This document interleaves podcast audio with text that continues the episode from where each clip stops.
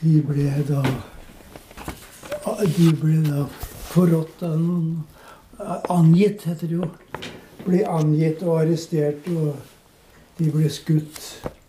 Han ble skutt? Alle de, Alle de her ble alle skutt? De du ser bildet der, det var, Noen av dem kjente jeg, men ikke alle. Men For meg er det helt umulig å se for meg hvordan det er å leve i en hverdag i Norge hvor norske ungdommer yngre enn meg selv ble henrettet. Dette er 93 år gamle Gerhard Tornholm som forteller meg om de dramatiske årene under andre verdenskrig, og det skal han fortelle mer om senere. Hallo! Neimen, neimen, neimen. Hei! Det var litt av en kombinasjon. Munnbind og bunad. På vei til konfirmasjon i Porsgrunn drar jeg innom Gerhard for andre gang.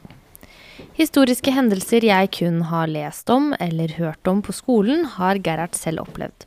Og dette vil jeg høre enda mer om. Men jeg sitter og venter på en uh, eplekake. Takk. var en terkel, altså. Ja, det var tullete av meg. Så skal du få mer kaffe òg. Vi har mer kaffe òg. Vi setter oss inn i stuen, som har et stort vindu med utsikt over skjærgården. På veggene er det malerier, bokhylla er smekkfull, og et gammelt ur tikker og går. Gerhard mimrer tilbake til barndommen. Jeg tror jeg var et lykkelig barn. Jeg hadde, jeg hadde mange kamerater, jeg hadde stor familie, og vi hadde noe på gang hele tiden. Gerhard kom til verden i 1927 og vokste opp på et lite sted mellom Sarpsborg og Fredrikstad som heter Borge. Dette var et lite industristed med en papirfabrikk og mange bønder. Foreldrene drev landhandleri, og Gerhard vokste opp med to halvsøsken og en bror. Hele livet har Gerhard vært opptatt av å hjelpe andre. Dette har han lært av moren sin, og som barn ble han sendt til ensomme naboer med mat, og fikk beskjed av moren om å bli sittende til de hadde spist ferdig. skulle jo ha noe å leve av, vi som drev forretning også, men folk jo ikke, hadde jo ikke penger til å kjøpe mat for. Så de kjøpte all maten på Vi handlet på bok, som vi kalte det. Hvor de skrev inn i en bok alt det de kjøpte, og så skulle de betale så snart de fikk jobb eller fikk råd til det. Vi ville helst ettergi alle gjelda, men det kunne vi jo ikke, for vi skulle ha noe å leve av, vi òg. Vi hadde en mor som var veldig innstilt på å hjelpe andre. Som barn var han opptatt av å lese bøker og spille fotball, og hans store drøm var å bli ingeniør. Eh, Vi endte jo opp noen ganger ved Sarpefossen, som lå eh, nord for oss eh, før vi kom til Sarpsborg.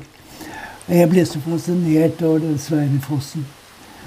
Voldsomme vannmasser som veltet ut der. Og, og så var det noen som hadde bygget demninger og, og laget elektrisitet av dette vannet. Det fascinerte meg veldig, så jeg sa til meg sjøl jeg vil bli ingeniør.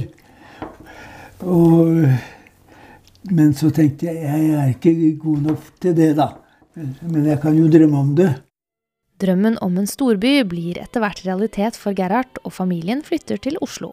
Det var jo en, en åpenbaring å komme til Oslo. Jeg, jeg, ble, jeg, var så fascinert over Deichmansk bibliotek, så der møtte jeg opp nesten hver dag. Og det var, det var drømmen å kunne lese alle disse bøkene. Vi hadde jo ikke bøker hjemme. Ja, jeg var jo veldig higen etter kunnskap. Kommanderende admiral melder. I natt har tyske krigsskip forsert Oslofjord festning under kamp med festningens batterier og fortsatt videre. På Gerhard sin 13-årsdag 9.4.1940 blir verden snudd på hodet. Midt på natten ble Gerhard vekket av flyalarm. Tyskerne landsatte sine troppestyrker i de første norske byene denne dagen. Gerhard viser meg et bilde jeg drar kjensel på. Ved Stortinget på Karl Johan ser vi ned mot Slottet. Tyskerne marsjerer oppover gaten med politiet i Oslo som følge. På sidene står massevis av folk og ser på de uniformerte soldatene som tar over byen. Gerhard står med sykkelen sin på første rad og overværer det hele. Det jeg gjorde da, var å, å løpe ned til eh, Ja, Det første vi gjorde, var å sette på radioen, men den var stum. Og da etterpå så løp jeg ned til Aftenposten, for jeg tenkte at der må det stå noe i, eh, i vinduene om hva som skjer. De fortalte da også at uh, Oslo, myndighetene i Oslo hadde kapitulert og, og, og lagt ned all motstand mot de tyskerne som kom på Fornebu. For uh, da vi møtte opp på Karl Johan og skulle se på innmarsjen, så ble vi jo veldig overrasket. For foran de tyske troppene kom eh, politisjefen i Oslo, Welhaven. Han kom på en politihest og ledet hele troppen opp Karl Johan. Og vi tenkte i all verden, er vi i krig, eller er vi ikke i krig? Men vi fikk jo etterpå vite da at tyskerne hadde truet med å bombe hele Oslo hvis de, hvis de ikke overga seg. Kan du huske hva du som liksom 12-13-åring tenkte og følte da du så tyskerne invadere liksom, byen din? Ja, det riktige ordet er å si full forvirring. Vi skjønte ingenting. Er det kjelleren? Ja, Ja. det er nede i kjelleren. Og han har kontor nede i kjelleren nå, skjønner du. Oh, ja. Gerhard rekker så vidt å smake på konas eplekake før han forsvinner. Ivrig småjogger han inn på kontoret, og jeg følger etter. Se her, ja. Nei, jeg har jo ikke noe orden på dette her, men eh, Er det, du har mye lagra overalt, du? ja, jeg har veldig mye papir. Han finner frem både armbind, bøker og en hemmeligstemplet bok fra krigen. Her er også en original. Den, den eh, kjente de lite til. Hjemmefrontmuseet heter det. Hva er det for noe, da? Det er planene for hvordan eh, Norge skulle befris. Dette er da den norske regjeringens plan for hvordan de skulle gå frem og organisere landet eh, etter at eh, tyskerne var jaget ut. Gerhard og kompisen Andreas ville gjerne bidra under krigen og meldte seg til å hjelpe hos hjemmestyrkenes sentralledelse. Der ble de budbringere og måtte levere beskjeder personlig til de forskjellige gruppene i hjemmefronten. Ja, jeg hadde jo noen eh, venner, da. En gruppe venner. Eh, De drev også og, og spredte illegale aviser.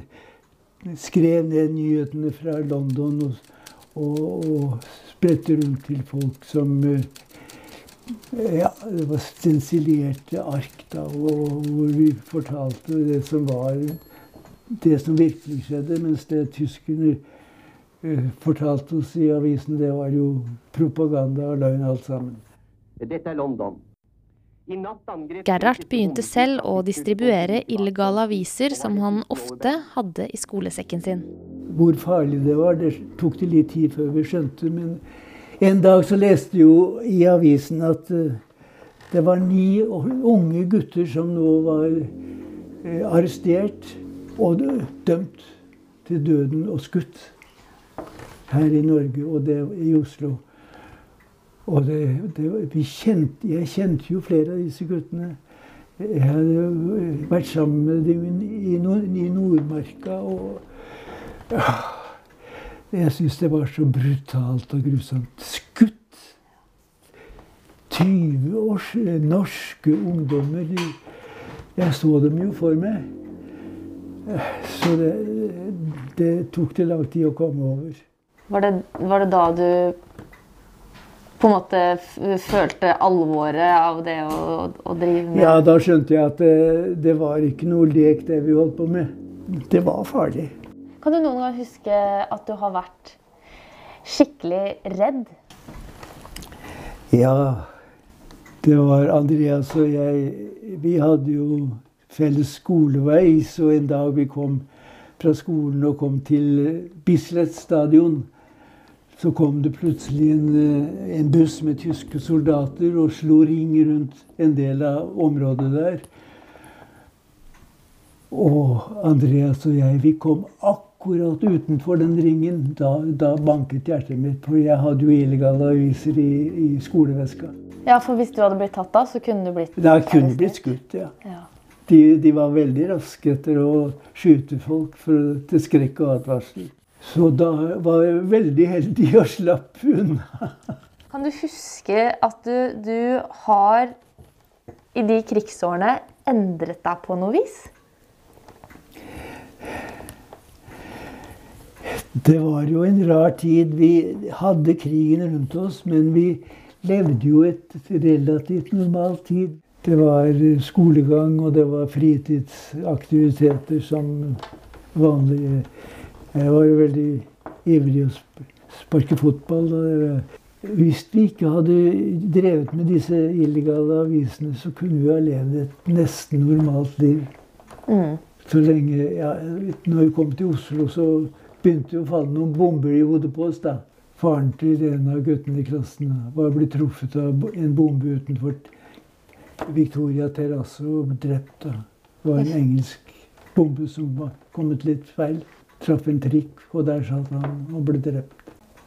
Hvordan, hvordan opplevde du det? At eh, folk eh, rundt deg døde, og at folk eh, du kjenner hadde foreldre som døde? At det var på en måte, man fikk døden veldig nært på veldig ungt? da? Ja, men det var noe rart som hendte. Dette med å dø, det ble, var ikke noen sånn stor sak lenger. Jeg visste at jeg kunne bli tatt og skutt øh, hvis jeg ble oppdaget med disse avisene. Men jeg tenkte, jeg, jeg, tanken stoppet der. Jeg, jeg ville ikke bekymre meg for hva som kunne skje. Nei. Ja, for hva er det som får deg til å finne motivasjon til å drive motstand? Var det en sånn selvfølge? Tenkte du det fra start? At ja, men jeg har ikke tenkt å sitte på rumpa og la de For meg var det en selvfølge. Jeg hadde jo blitt litt opprørt under den finsk-russiske krigen. Og hvorfor, hvorfor ikke Norge hjalp Finland? Og det ble sendt ut et, en anmodning om å sende eh, norske ryggsekker til de, tys til de finske soldatene, så tok jeg min nye ryggsekk. Det var en fin ryggsekk med meis og greier, og gikk og leverte den. Og det var, skulle iallfall være et lite bidrag. Så den gikk til Finland.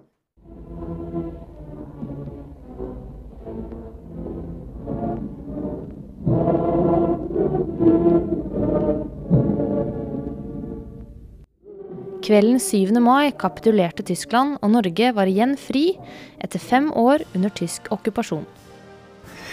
Ja, den glemmer jeg aldri. Åh, det som skjedde, det var en eksplosjon. og det var så rart. Vi trodde jo vi var de eneste som satt og hørte på en uh, ulovlig radio, men det var det ikke. Folk strømmet til ut på gata fra alle husene rundt omkring i nabolaget. Og vi omfavnet hverandre. Vi klemte hverandre. Vi gråt. Nei, det var sterke følelser. Det var helt utrolig. Det var Ja, det kan Det, ikke, det må oppleves. Det kan ikke, man kan ikke forklares. Gerhard sitter ved spisebordet og titter ut i lufta. Tydelig berørt av å fortelle meg om en av de dagene fra livet han husker aller best. Etter krigen dro han til Sveits og ble byggingeniør. Den uoppnåelige drømmen han ikke trodde han klarte, ble virkelighet og skulle senere føre til at han konstruerte taket til en av verdens største fotballstadioner. Kona Liv går forbi, og jeg ber henne sette seg ned så vi kan prate litt om livet deres sammen. Ekteparet møttes på en sommerleir i 1953. Gerhard forsøkte seg på en baklengs salto fra tremeteren for å få Liv sin oppmerksomhet. Men hun var for opptatt med egne saker. Oi. Jeg vet han pleier å fortelle om det der. Jeg, vet. jeg ble også skuffet, men det gikk jo bra etter en kort stund. Ja da. Når er det du la merke til Gerhard, da? Du, Jeg la merke til den egentlig med en gang. Så var det ikke så lett å ikke legge merke til den, for han var jo veldig pen og kjekk, vet du. Oi. Høy og mørk. Gerhard og Liv fikk tre barn og har vært sammen i 67 år. Jeg spør dem hvordan de synes det er å bli gamle. Ja, det er jo selvfølgelig en utfordring, det òg. Men så lenge vi er to, så går det jo bedre enn hvis man sitter alene. Det må jeg si. Ja, jeg for min del jeg blir mest opptatt av at jeg har vært heldig her i livet, og at jeg har så veldig mye å være takknemlig for. Og at egentlig så er det ikke noe jeg har savnet. Og det syns jeg må, kan være en trøst av og til. Det er vi blitt enige om, at vi må glede oss over de små tingene. Vi kommer ikke lenger, vi kan ikke lenger reise til Sør-Amerika. Der har vi ikke vært. Det går ikke an å drømme seg dit lenger. Så nå gleder vi oss over de små ting. At vi får besøk og kommer oss på hytta når det er sommeren. og Være sammen med andre. Ja, det er jo Følge med hva, hva som skjer hos barn og barnebarn. Det, det, det er de tingene som Ta vare på vennskap med andre er jo viktig. Det har vi stor glede av. hverandre, kanskje. Prøve å ikke la negative tanker overta. Prøve å tenke positivt og tenke på det som er hyggelig og fint. da. Hvis jeg syns det begynner å gå dårlig, så sier jeg til Gertrud det går veldig fint, sier jeg. så ler han av meg. Dette går bra.